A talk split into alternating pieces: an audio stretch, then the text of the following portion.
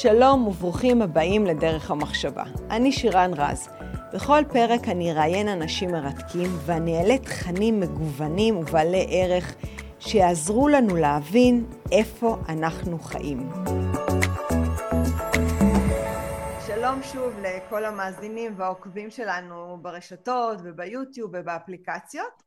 היום אנחנו לא נדבר על פוליטיקה, למרות שמי שרוצה להתעדכן במה שקורה במדינה, היה לנו פודקאסט אחרון מדהים עם אה, דוקטור גדי טאוב על אה, הרפורמה המשפטית, והיום אנחנו עושים סטייה ימין, שמאל, אה, לא פוליטי בכלל, אבל סופר חשוב, על הייטק, הרי איזה ישראלי לא מתגאה באימפריה הזו שהקמנו, ובשביל להבין מה באמת קורה ולא רק uh, להתעדכן מערוצי החדשות שמסתבר שמסלפים לא מעט הזמנתי את uh, אורי אנג, אנגלהרד ויש um, לו המון ניסיון רב ומוצלח במגזר הפרטי והציבורי הוא היה מנכ"ל חברות הייטק. יו"ר וחבר בדירקטוריון עם ראש מינהל הטכנולוגיות במשטרה בדרגת תת ניצב מרצה ובעל משרד עורכי דין זה נשמע כאילו אתה שלושה אנשים, שלום אורי.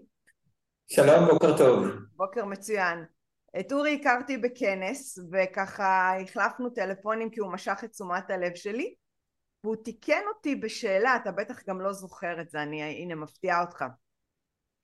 אמרתי לך שנראה לי 2023 אנשים אה, יחפשו יותר משמעות ואז הרמת גבה כזאתי ואמרת לי עכשיו יחפשו? למה? אנשים לא תמיד חיפשו משמעות? וככה אה, התגלגלה השיחה בינינו ואני חושבת שכולם תמיד מחפשים משמעות וזה בדיוק ה... כנראה העניין ששוק ההייטק מושך כל כך הוא נראה מאוד אה, אה, מנצנץ ומפואר ואתה נקרא עיתונים אני יש לי לקוחות יש פיטורים המונים כולם צורכים וצווחים על משבר ההייטק מה קורה שם? טוב משבר זה שאלה, אני לא מאמין שיש משבר. אה, יש אה, קצת תיקון, תיקון אה, לבועה שהייתה בשנים האחרונות, היה עודף כסף בציבור, בחו"ל, בארץ, וחיפשו במה להשקיע אותו.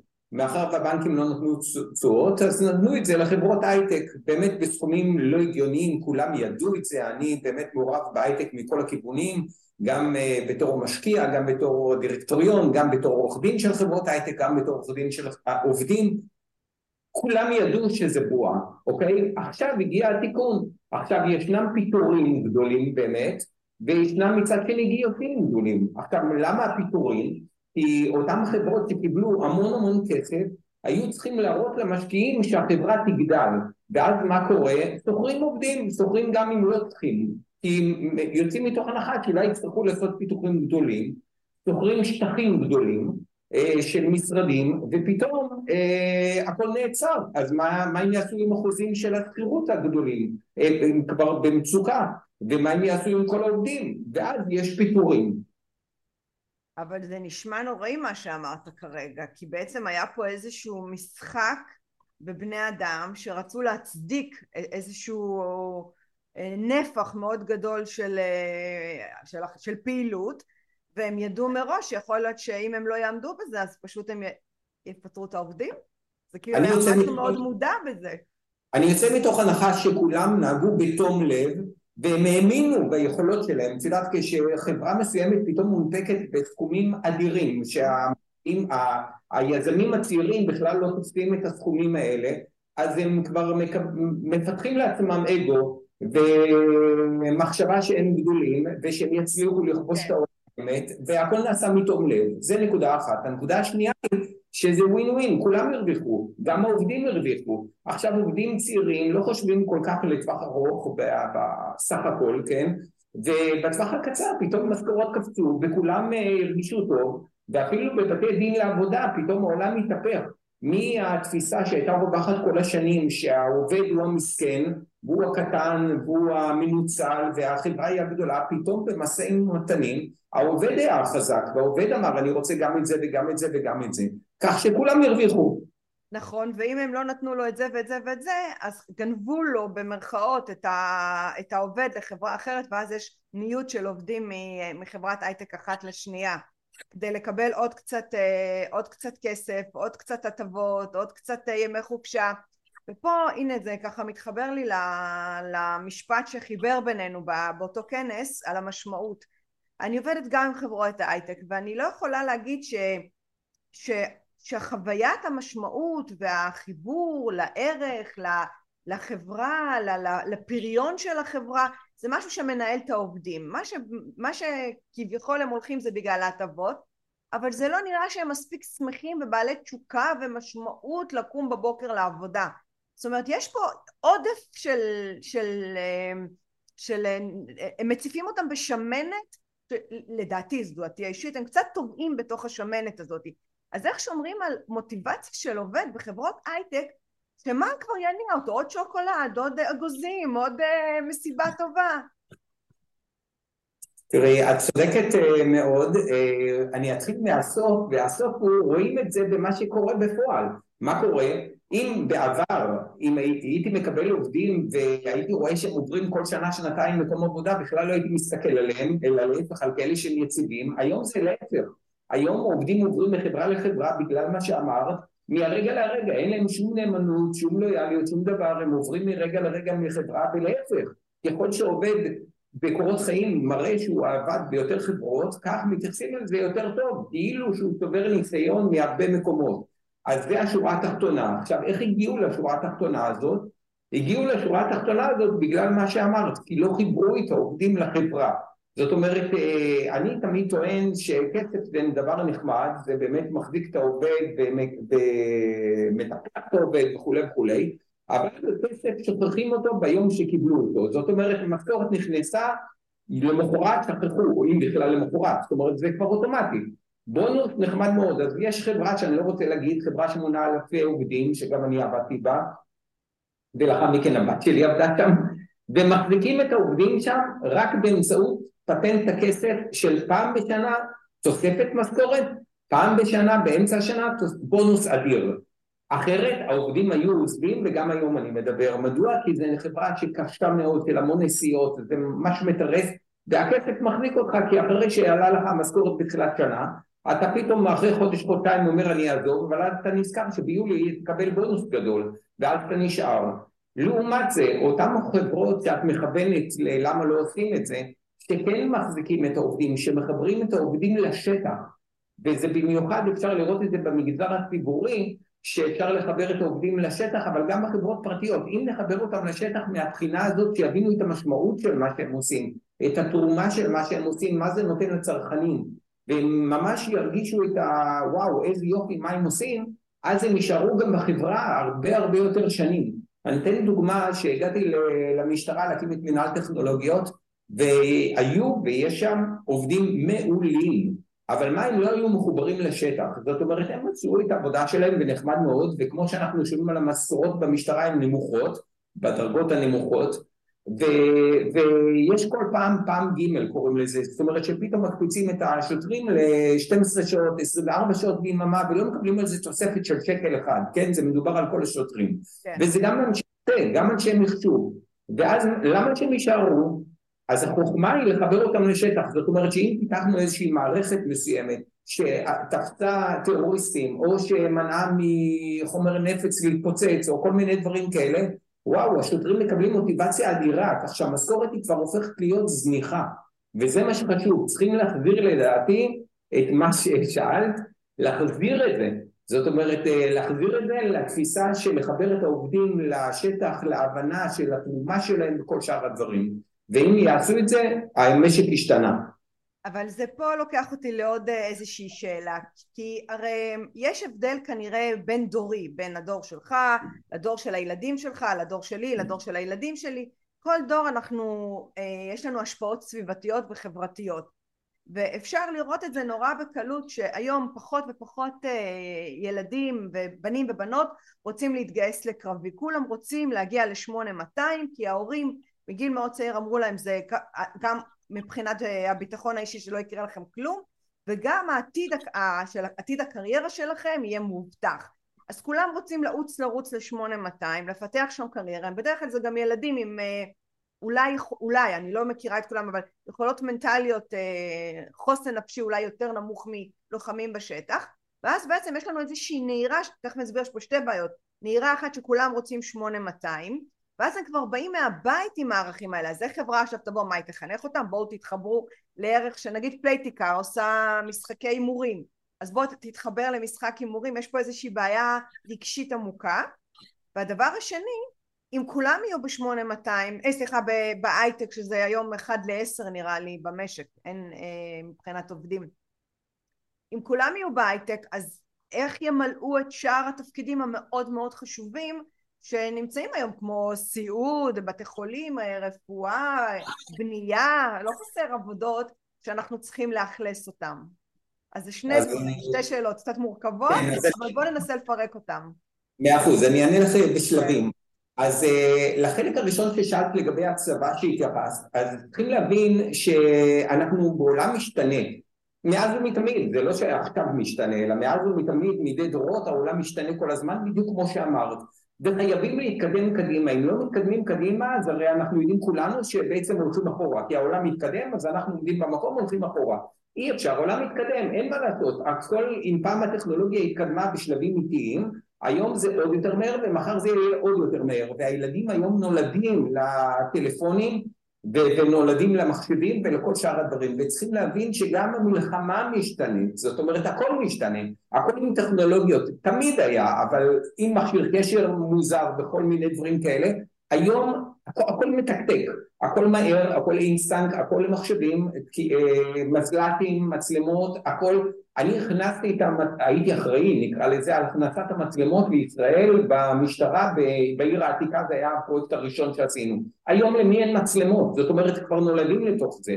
אז צריכים להבין שזה העולם. אז גם הצבא מבין שהעולם השתנה. יכול להיות מלחמות שהן דרך הסייבר דרך אה, מחשבים דרך טכנולוגיות וצריכים אנשים כאלה. וזה כן. טוב שכך וטוב שיש לוחמים. אז זה לגבי הצבא. זה לא פסול להפך זה טוב מאוד. אוקיי. השני הוא שצריכים להבין לגבי השאלה של מי ימלא את התפקידים אז המדינה, זה העניין של המדינה, צריכה לעשות ולכוון ולהוביל למילוי הדברים האלה, לא מספיק רק הייטק, כי לא כולם מוכשרים לזה, לא רק בהיבט המדינה שצריכה לדאוג שיהיו בתחנות דלק אה, יהודים שיעבדו ובבתי המרקחת וכל שאר הדברים, אלא אה, ראי דוגמה, כן, אני אקפוץ לשומר החומות שפתאום היה בעיה וכולנו מדברים על תרחיש שומר חומות שניים שהוא לא יהיה כמו שומר החומות הקודם אלא הוא יהיה הרבה יותר חמור אה, ולכן צריכים לדאוג לזה. אני יכול להגיד שאני מעורב, אני בחבר הנאמנים של אה, בית ספר הגבוה לטכנולוגיה בירושלים שזה מכון לב, מכון טל, מכון נווה, מכון לוסטיק ואנחנו משלבים שם, יש מכון נווה זה לחרדים שלא למדו מקצועות ליבה, שאין להם מושג, הם עוברים מכינה קצרה של מספר חודשים ואחרי זה הם הופכים והם רגיל לתואר ראשון והם הופכים להיות אה, בעלי תואר ראשון רשמי של מדעי המחשב או של אלקטרופטיקה או פיזיקה, הציבור פשוט לא מכיר את זה, זה, זה כל שנה עולה ועולה ויש מגמתיות? יש דרישה? החרדים רוצים, אה, רוצים את זה? כן, כן, כן, אני אחדש, הציבור לא יודע כי זה נעשה בשקט ורק יוצאים על החרדים, אבל כל שנה יש גדלים עוד ועוד אה, לומדים וזה בתמיכה של הרבנים הכי חרדים שיש. איזה יופי לשמוע את זה. שלא כולם מסוגלים לשבת, הם מאמינים עדיין שצריכים ללמוד תורה מהבוקר עד הלילה, אבל לא כולם מסוגלים לזה. אז זה שקרתה, ומה שרציתי, למה אני מספר את זה? כי פתחנו לפני זמן אה, מגמה לרוקחות ומגמה לסיעוד לחרדים במטרה שיהיו רוקחים בבתי המרקחת חרדים וסיעוד לגברים כי יש בעיה שלא בחורת תהיה עם חרדי אז חרדים וזה ממש מתקדם בצורה פנטסטית זה בשילוב פעולה עם אוניברסיטת ירושלים איך קוראים לפרויקט הזה? אני, אני פספסתי את השם של זה. בית ספר הגבוה לטכנולוגיה בירושלים הוא כמו אוניברסיטה כזאת mm-hmm. אוקיי. מל"ג, הכל הכל הכל, שהיא מחולקת לכמה קבוצות. מכון נווה זה לחרדים, מכון לב זה לדתיים ציונים, אוקיי? כי פשוט לומדים משם בצורות אחרות, נניח אלה החרדים לא צריכים ללמוד לימודי קודש אלא רק את אלקטרואופטיקה ודברים כאלה, ואחרים רוצים לשלב גם לימודי תורה.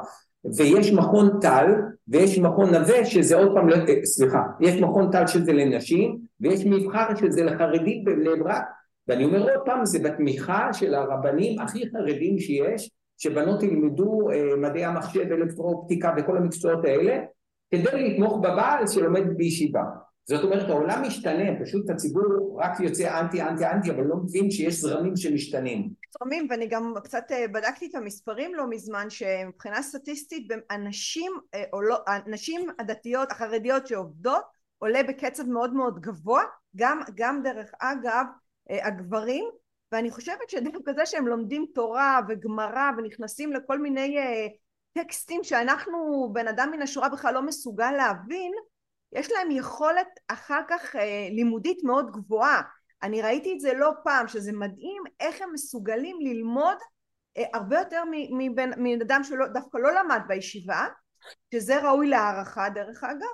אה, אז זה מביא אותי לשאלה איך הם מבחינה חברתית משתלבים אחר כך בהייטק בוא נאמר שהם באמת עשו את הקורסים הם בשלים הם מוכנים מבחינה לימודית איך קורה שהם נכנסים ל...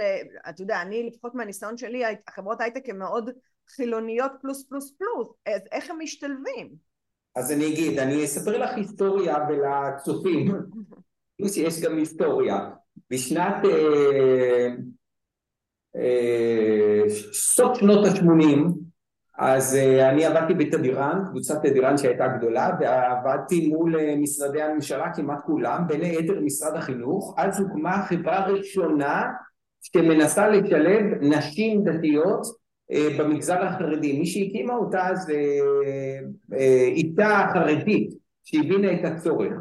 ואז באמת יש... היא הקימה חברה שהקימה באיזשהו חדר, ישבו במקום סגור, רק אנשים, והם נתנו את התוצרת למשרד החינוך, אוקיי? זה התחיל בצורה כזאת, כדי שהם יהיו לבד ולא יפריעו להם ולא שום דבר.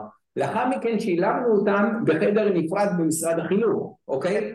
ולאחר מכן כבר הם, הבינו שאפשר להשתלב גם במקומות אחרים והכל השתלב וכך זה גם היום ישנם הרבה חברות, חברת מטריקס עושה דבר כזה עם שילוב של בנות אה, חרדיות וגם אחרים עושים את זה והכל מצוין, הכל תלוי במנהל, במנהל למעלה, הכל תרבות ארגונית ותפיסה של המנהל, אם המנהל מנחיל לחברה חילוניות, חילוניות לא קשור, אבל צריכים לשמור על דיסטנס, על כללים, הכל עובד מצוין. מה הכללים בסך הכל? כולה שיהיה במזנון אוכל כשר? זאת אומרת זה שטויות, שיהיה מיקרו כשר? מה הסיפור פה? אה, שיביאו את הרטבים, לדוגמה, אני בדיוק שומע ממישהו שפתאום העובדים שאלו אותם מה אתם רוצים אה, תוספת בחברה, אמרו תביאו רטבים, אוקיי, כי אוכלים סלטים אז רוצים רטבים, אז בקיצור שזה יהיה קצר, זה כל הסיפור, ודבר שני, שלא יהיה שום אה, מילים או כל מיני דברים כאלה, אז היה אז בזמנו, רגע מה? לא הבנתי? מילים מטרידות. אה, אה, אוקיי, מילים, אוקיי, הבנתי. עכשיו אני יכול להגיד ככה, אני אספר על עצמי, אני הגעתי למשטרה ואז אתם יודעים שיש במשטרה סיפורים היו על uh, הטרדות מיניות ועל uh, כל מיני סיפורים כאלה לא נעימים כן. ואני יכול להגיד ויכולים בטוח להעיד כל העובדים היו לי אלפים uh, שלא היה שום רמז, שום מרשבוש, למה? כי ביום הראשון הצבתי לעובדים בדיוק את הכללים אני לא מוכן שאף אחד יגיד לאף אחד או אחת הבגד שלך יפה או השמלה יפה או כל דבר אחר, גם לגברים וגם לנשים. כן. ולמה אמרתי את זה? לא מבחינת הטרדה מינית, אלא תחשבו עכשיו אתם באים למישהו, נניח לבחור, ותגידו לו וואו איזה חולצה יפה, עכשיו מה, מחר הוא ירגיש שהוא צריך להחליף את החולצה, הוא פתאום לא אומרים, או פתאום לא אומרים לו שהחולצה יפה, זה ירגיש לו בנוח, אותו דבר לגבי בחורה, זאת אומרת אין כללים, אתם רוצים תגידו הכל מחוץ לעבודה, בעבודה באים לעבוד, עבודה זה מקצועיות, עובדים נטו, בלי מחמאות, בלי סיפורים, תחמיא לעבודה, לא לשאר הדברים. וברגע שמישהו אחד עשה רשמוש הכי קטן והעפתי אותו ממש, כולם התיישרו באותו רגע.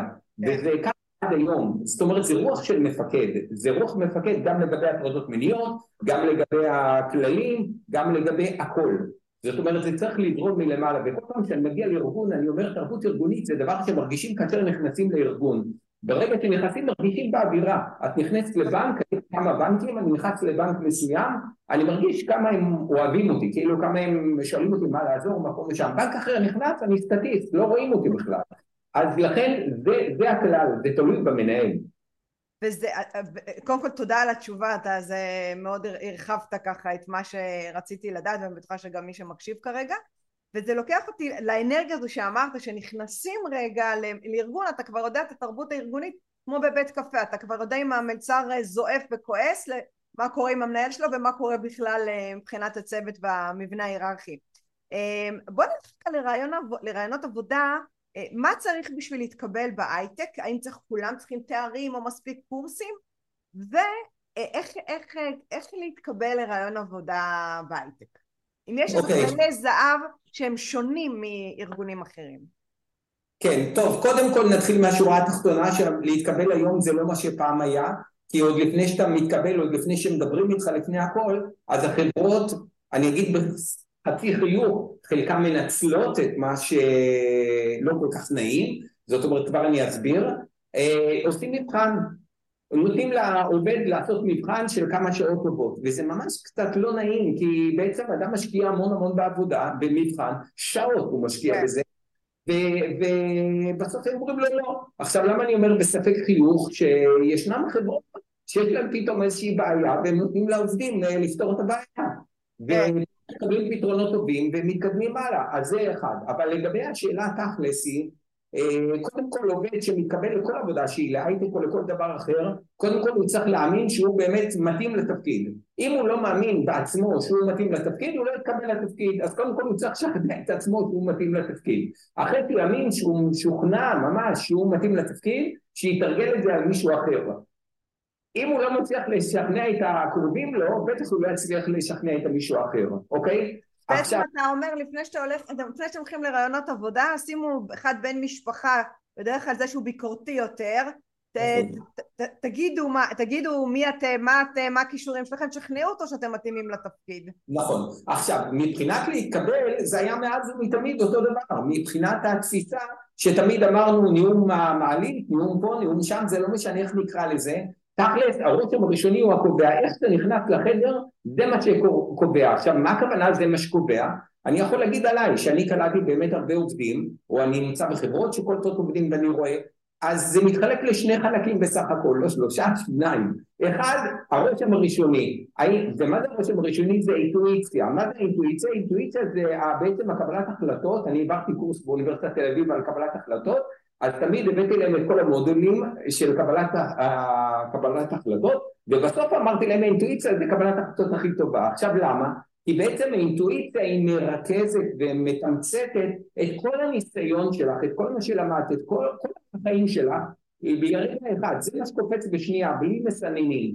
ואז בעצם ברגע שאדם צועד לחדר, אני עם כל האינטואיציה שלי מתרשם בעצם האם מבחינה פסיכולוגית אני רוצה לעבוד איתו זאת אומרת אם הוא עושה לרושם שבא לי כיף לעבוד איתו כי זה אנשים לא מבינים. שהכי חשוב זה שהמעסיק ירצה לעבוד איתך ושאתה תרצה לעבוד גם איתו. זאת אומרת שלא יקרה מצב של וואלה שיהיה הכי גאון שבעולם אבל לא באתי לעבוד איתו אז אני לא אקח אותו. פשוט מאוד. אז זה הדבר הראשון. הדבר השני אחרי שעשית את הרושם הראשוני נקרא לזה להעביר את הפוטנציאל שלך, זאת אומרת אותי, לי לדוגמה שקלטתי עובדים לא עניין אותי לא התואר שלהם ולא מה הם עשו וכל שאר הסיפורים, עניין אותי מה הם יכולים לתרום לי, כי יכול להיות שבא אדם עם פרופסורה במאה תארים, אבל בטח הוא לא יכול לעזור לי שום דבר, אז זה מה שחשוב, תמיד לדבר על מה אני יכול לתרום לחברה פה אתה יודע הלוואי וכולם היו כמוך אורי. יש כאלה שעושים בדיוק את הפעולה ההפוכה. אם זה לא יושב להם על איזשהו מבנה לימודי מאוד ברור איזושהי לוגיקה מאוד ברורה שלמדת אה, יש לך את התעודות הנכונות הם פשוט הם פשוט לא, לא, לא מסתכלים על זה. ואני מאוד מסכימה איתך כי אני גם בגישה הזאת אני גם יש לי חברה של גיוס בכירים ואני גם גייסתי לחו"ל שזה מצחיק כי בחו"ל האינטואיציה שלך היא שונה לאנשים שאתה רואה, זה לא אותה אינטואיציה כמו מישהו שאתה מכיר, שאתה יודע מאיפה הוא בארץ, פחות או יותר אתה, יש לך איזה חושים. אה, אז אני מאוד uh, מתחברת, מתחברת לד, לדרך שלך והלוואי ועוד ועוד ועוד uh, ייקחו את זה קדימה. וכבר התקבלו לעבודה והם כבר עובדים, האם יש לנו איזשהו רף של גיל שפה אתה אומר זהו אי אפשר להתקבל יותר, אני שומעת את זה גם הרבה, אומרים וואי אני כבר בגיל שאם מפטרים אותי זהו נפלו עליי השמיים, אני כבר לא אמצא עבודה ובטח לא מהייטק, מה אני, מה אני אעשה, אעבוד בחנות חשמל, מה אני אעשה? אז זה גם... כן, אוקיי, אני אענה. ככה, קודם כל בהייטק זה ברור, ידוע, שבגיל 40 פלוס ככה אה, כבר מסתכלים על האנשים בתור זקנים. עכשיו יש בזה משהו במקצועות מסוימים, זאת אומרת בתכנות, אז מכיוון שהטכנולוגיה משתנה כל בוקר, כל הזמן היא משתנה, אז אתה חייב להדביק את הקצב. עכשיו אם אתה גם אם אתה בגיל אה, מעל 40, לא 50, 60, לא משנה מה, אבל אתה מדביק את הקצב, אז אף אחד לא מרגיש בזה. אבל אם אתה פתאום מתחיל להירדם, או אתה נשאר תקוע עם איזו שפה ענתיקה, אז זה כבר, היא לא רלוונטית, ואם השפה לא רלוונטית, וזה כל מה שאתה יודע, כי כל החיים אתה רק עסקת בשפה הזאת, אז גם אתה הופך להיות לא רלוונטית, וזה בסדר, מבחינת המעסיק. מבחינת העובד זה לא בסדר, מה הוא צריך לעשות? כל הזמן לחשוב על זה שהוא חייב להיות רלוונטי ולעשות את הצעדים כדי להיות רלוונטי. זאת אומרת, אם אני מציע, בקיצור, שורה תחתונה לכל עובד, לבדוק כל הזמן מה קורה לטכנולוגיות, וכל הזמן להיות מחובר אליהם, לא לתת לסטטוס קוו, נקרא לזה לשמנת, למצב שהוא נמצא בה, שטוב אין, הוא יודע את השפה והכל, לא, השפה יכולה, כמו מי הזיז את הגבינה שלי, השפה יכולה להשתנות, אז הוא יהיה לא רלוונטי, נקודה. הדבר השני, במקצועות אחרים, שבהייטק, כמו ניהול, ניתוח מערכות, כל הדברים האלה, גם בהם יש טכנולוגיות וכלים שצריכים להיות מעודכנים בהם, אבל בהם אני יכול להגיד עוד פעם ממני ומה תמיד אני ממליץ לחברות זה תמיד לשלב כן בין מבוגרים לצעירים, מדוע? משום שזה כמו תמיד שהיו הסיפורים בזמנו שלא ידעו על הרבה יחידות צבאיות וידעו שיש גולני ויש צנחנים, תמיד אמרו הגולני רצים על ההר לכבוש אותו, אבל המבוגרים אומרים להם רגע רגע רגע בואו נראה מה אנחנו אם זה ההר הנכון וכולי אז תמיד אני טוען שטוב להשאיר גם בחברה מבוגרים שיש להם את כל הניסיון ושהם יעצרו את הצעירים מצד שני הצעירים כולנו יודעים הם יותר היזמים כי הם לא חושבים על הסכנות. הם רצים קדימה אז צריכים לשלב את שניהם זה ההמלצה שלי. תראה, זו חשיבה מאוד אה, שבטית, אני מאוד אוהבת את זה, כאילו לקחת את היתרונות גם של המבוגרים וגם של הצעירים ולחיות ביחד ולהבין שכולם יחד אה, יכולים אה, לשמור על הגחלת, במקרה הזה את החברת, חברת ההייטק, ואני, ואני מוסיפה פה שאני חושבת שבן אדם לא רק שצריך להתחדש ולהתעדכן בטכנולוגיות ובדברים שקשורים לתחום שלו, אלא גם בדברים שקשורים להתפתחות אישית, לעצמו, כאילו בן אדם לא יכול לקפוא על השמרים שלו ולהגיד הכל בסדר, כי אני חושבת שיש משהו בבינוניות הזאת שאם אתה לא דוחף או לא ערני או לא חושב ש, שמחר בבוקר משהו יקרה אז אתה מגיע השבר ואתה לא יודע איך להתמודד איתו אז כל פעם לחיות במין חוויה שיכול להיות שיגיע השבר הזה או המשבר הזה אבל אתה כבר תהיה מוכן אליו. זאת אומרת כל הזמן לחיות את ההווה אבל עם, עם, עם רגל ויד ועין אחד אה, על היום שיכול אה, לקרות. אז ככה אני מסכמת את מה שאמרת. אז אני רק סוגרת את מה שהתחלנו שבעצם אין משבר בהייטק יש איזה שהם פיטורים אבל הייטק עדיין מאוד יציב ומאוד חזק ויהיה עוד מעט עוד גיוסים חדשים אז לא להיכנס לפאניקה זה מה שאתה אומר. נכון, נכון אבל אני, אני רוצה להשלים רק עוד משפט אחד שהנקודה היא צריכים להבין משהו. מי שטוב טוב לו. זאת אומרת מי שטוב מקצוען ממש אמיתי לא יפטרו אותו. ואם יפטרו אותו נמצא עבודה אחרת יותר טובה. מי שבינוני כן גם בתקופה הזאת לא נעים להגיד אבל ישנן חברות שמנצלות את העובדה שיש פיטורים גדולים יחסית ואז הם מפטרים עובדים בתפקיד מסוים, ולמחרת קולטים לאותו תפקיד מישהו אחר, כי הם מנצלים את המומנטום ברגע... אורוות, ניקוי אורוות. כן, בדיוק, הוא פחות טוב. לכן צריכים לדעת שמי שמקצוען, אין, הוא יישאר, ואם לא נמצא עבודה יותר טובה. אז הוא להיות מקצוענים. אתה יודע, אני גדלתי על המשפט הזה, אבא שלי שהייתי קטנה, תמיד, זיכרונו לברכה, הוא נפטר לפני שלושה חודשים, אמ, אז אמ, הוא היה אומר לי, תקשיב, הייתי זוכרת, הוא היה נגר, היה לו נגריה. אומר לי שירן יכול להיות מאה נגריות ורק לאחד תהיה עבודה. אז אני אומרת לו למה? הוא אומר כי תמיד צריך להיות ללכת עם האמת שלך תמיד להיות הכי טוב ותמיד תהיה לך עבודה תמיד תהיה לך פרנסה.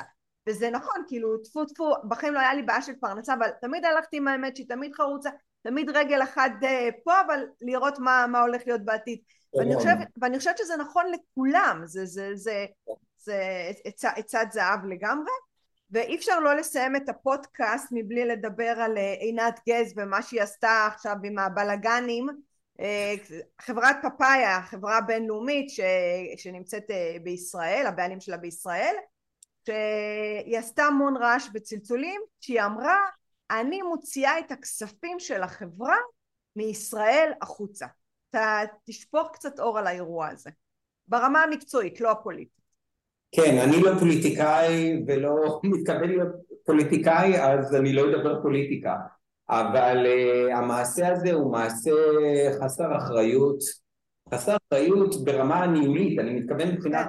ניהולית, וחבל לי עליה, כי לפחות את אבי אני מכיר טוב כי עבדנו הרבה שנים ביחד, uh, ואני בטוח שהיא מוצלחת, אבל היא פספסה משהו כנראה, uh, עשתה טעות ניהולית פשוט מזעזעת, שדופקת אותנו, את כולנו. מי זה כולנו?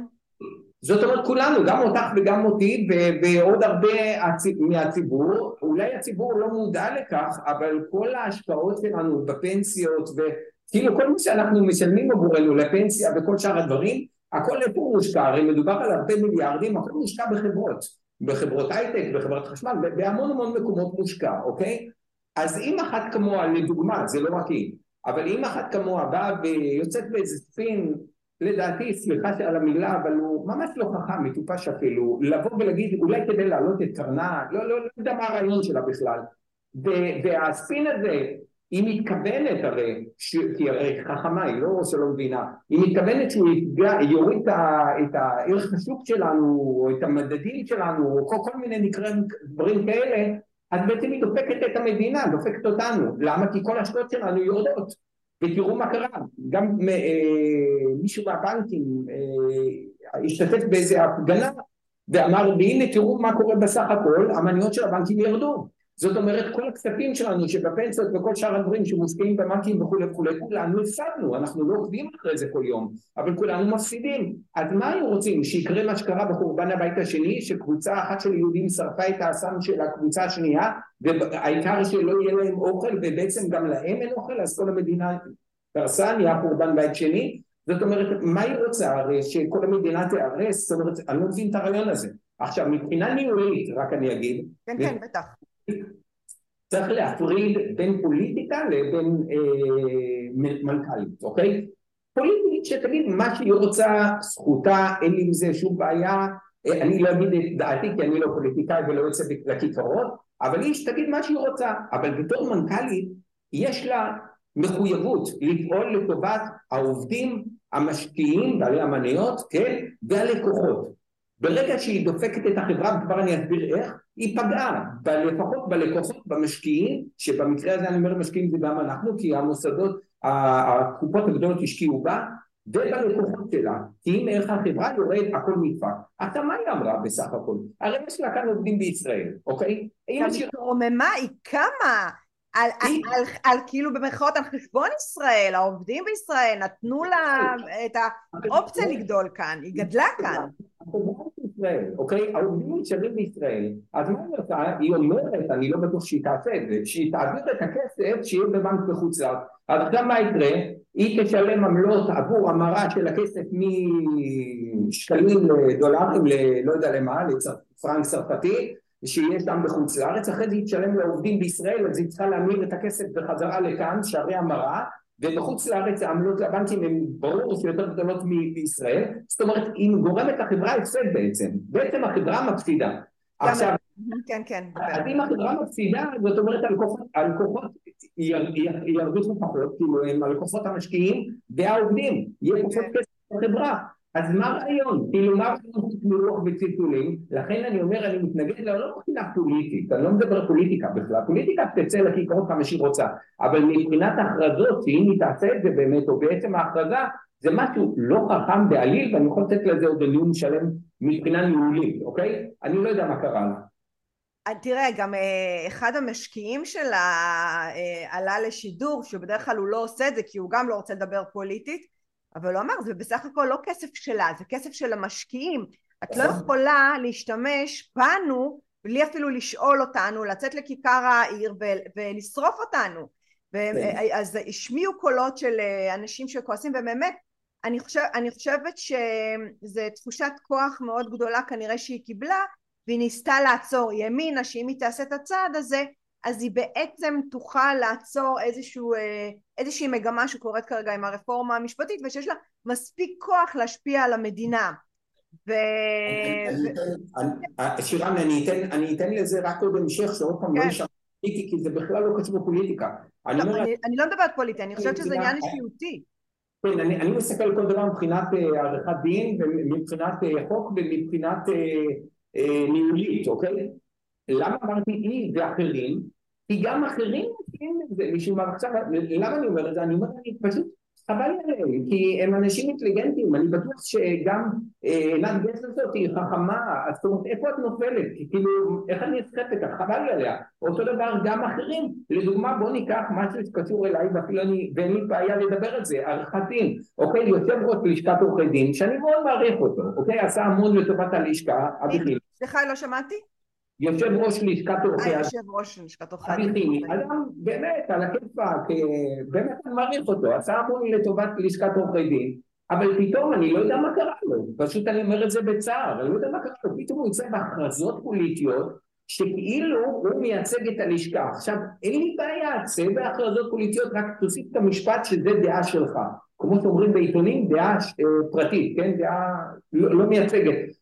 הוא יוצא כאילו בתור יושב ראש לשכת עורכי דין ואפילו לא התקיים דיון אחד במועצה הארצית של לשכת עורכי דין על הנושא הזה, לא התקיים בכלל דיון. אז מה אתה יוצא ומכריז כל הזמן, וזה כאילו שכל עורכי דין, יש היום 78 אלף עורכי דין בערך, משהו כזה, המון. מה, הוא מייצג אותי? ואם אני חושב אחרת, זה הרי לא הגיוני, עכשיו מה קורה? זה אני חייב להגיד את התוספת הזאת, זה, זה עניין של עבודה, להבין את העובדים. עכשיו מה מצחיק אותי? ממש צחקתי. פתאום יש ידיעה, אה, לא זוכר כמה משרדים גדולים של עורכי דין, 3,500 אה, עובדים נדמה לי עורכי דין, חתמו על עצומה נגד הרפורמה. עכשיו זה כל העיתונים, כותרות שלמות של 2,500 אה, עורכי דין. עכשיו זה מצחיק, למה? כי אם יש 78 אלף, אז מה זה 3,500 או 4,500 זה 4.5 אחוז. 4.5 אחוז מתוך סך עורכי הדין, נכון. עכשיו מעבר לזה, בואו תראו מה קורה. המשרדים הגדולים האלה שמופיעים בבתי משפט כל יום, הם הרי חייבים להתחנף לשופטים, הם יופיעו מחר, זה הראש שלהם, מחר הם יופיעו בפני שופט, אז מה הם יגידו, אנחנו רוצים לשנות כל הרפורמה? אז ברור, אולי חלק מהם גם רוצים להיות שופטים בית משפט עליון, אז מה, לא יגידו את זה? עכשיו פה מגיע עכשיו הקטע הכי גדול שלכן אני מדבר. כן. קורא לכל העובדים שם, מדובר על משרדים גדולים שמונים 200 עד 500 עובדים, אוקיי, עורכי אם הבוס שלהם אה, נותן להם עצומה לחתום, אני רוצה לראות מי מהעובדים לא, לא יחתום. זה ניצול סמכות בכוח. זה ניצול שמבחינה ניהולית, אני מדבר באמת כואב לי, מבחינה ניהולית ומבחינת עורך דין, זה ממש פסול, אבל זה מה שאסור. זאת אומרת, היה כתוב בכל מקרה ככה בעיתון שהשלושת אלפים חמש מאות או יותר, אני לא זוכר, אה, העורכי דין זה מהמשרדים הגדולים, זאת אומרת החתימו אותם, אז זה לא אומר כלום, להפך, זה ניצול. לכן כואב לי על כך, ואני אומר עוד פעם, עם כל הערכה שלי לאותם עורכי דין הגדולים וכולי, שבאמת אני מעריך אותם, זה משהו התפספס פה. אני מגוונים ובעלי ערך שיעזרו לנו להבין איפה אנחנו חיים.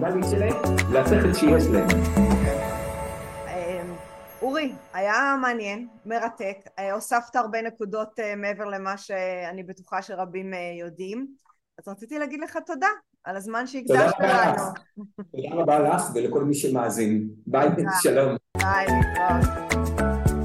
זה היה פרק נוסף של דרך המחשבה. כל הפרקים זמינים באפליקציות הפודקאסטים, בערוץ היוטיוב ובפייסבוק. אם עדיין לא הצטרפתם, זה הזמן.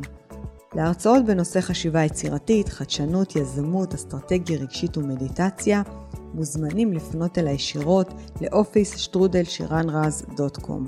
אני שירן רז, ואהיה איתכם גם בפרק הבא.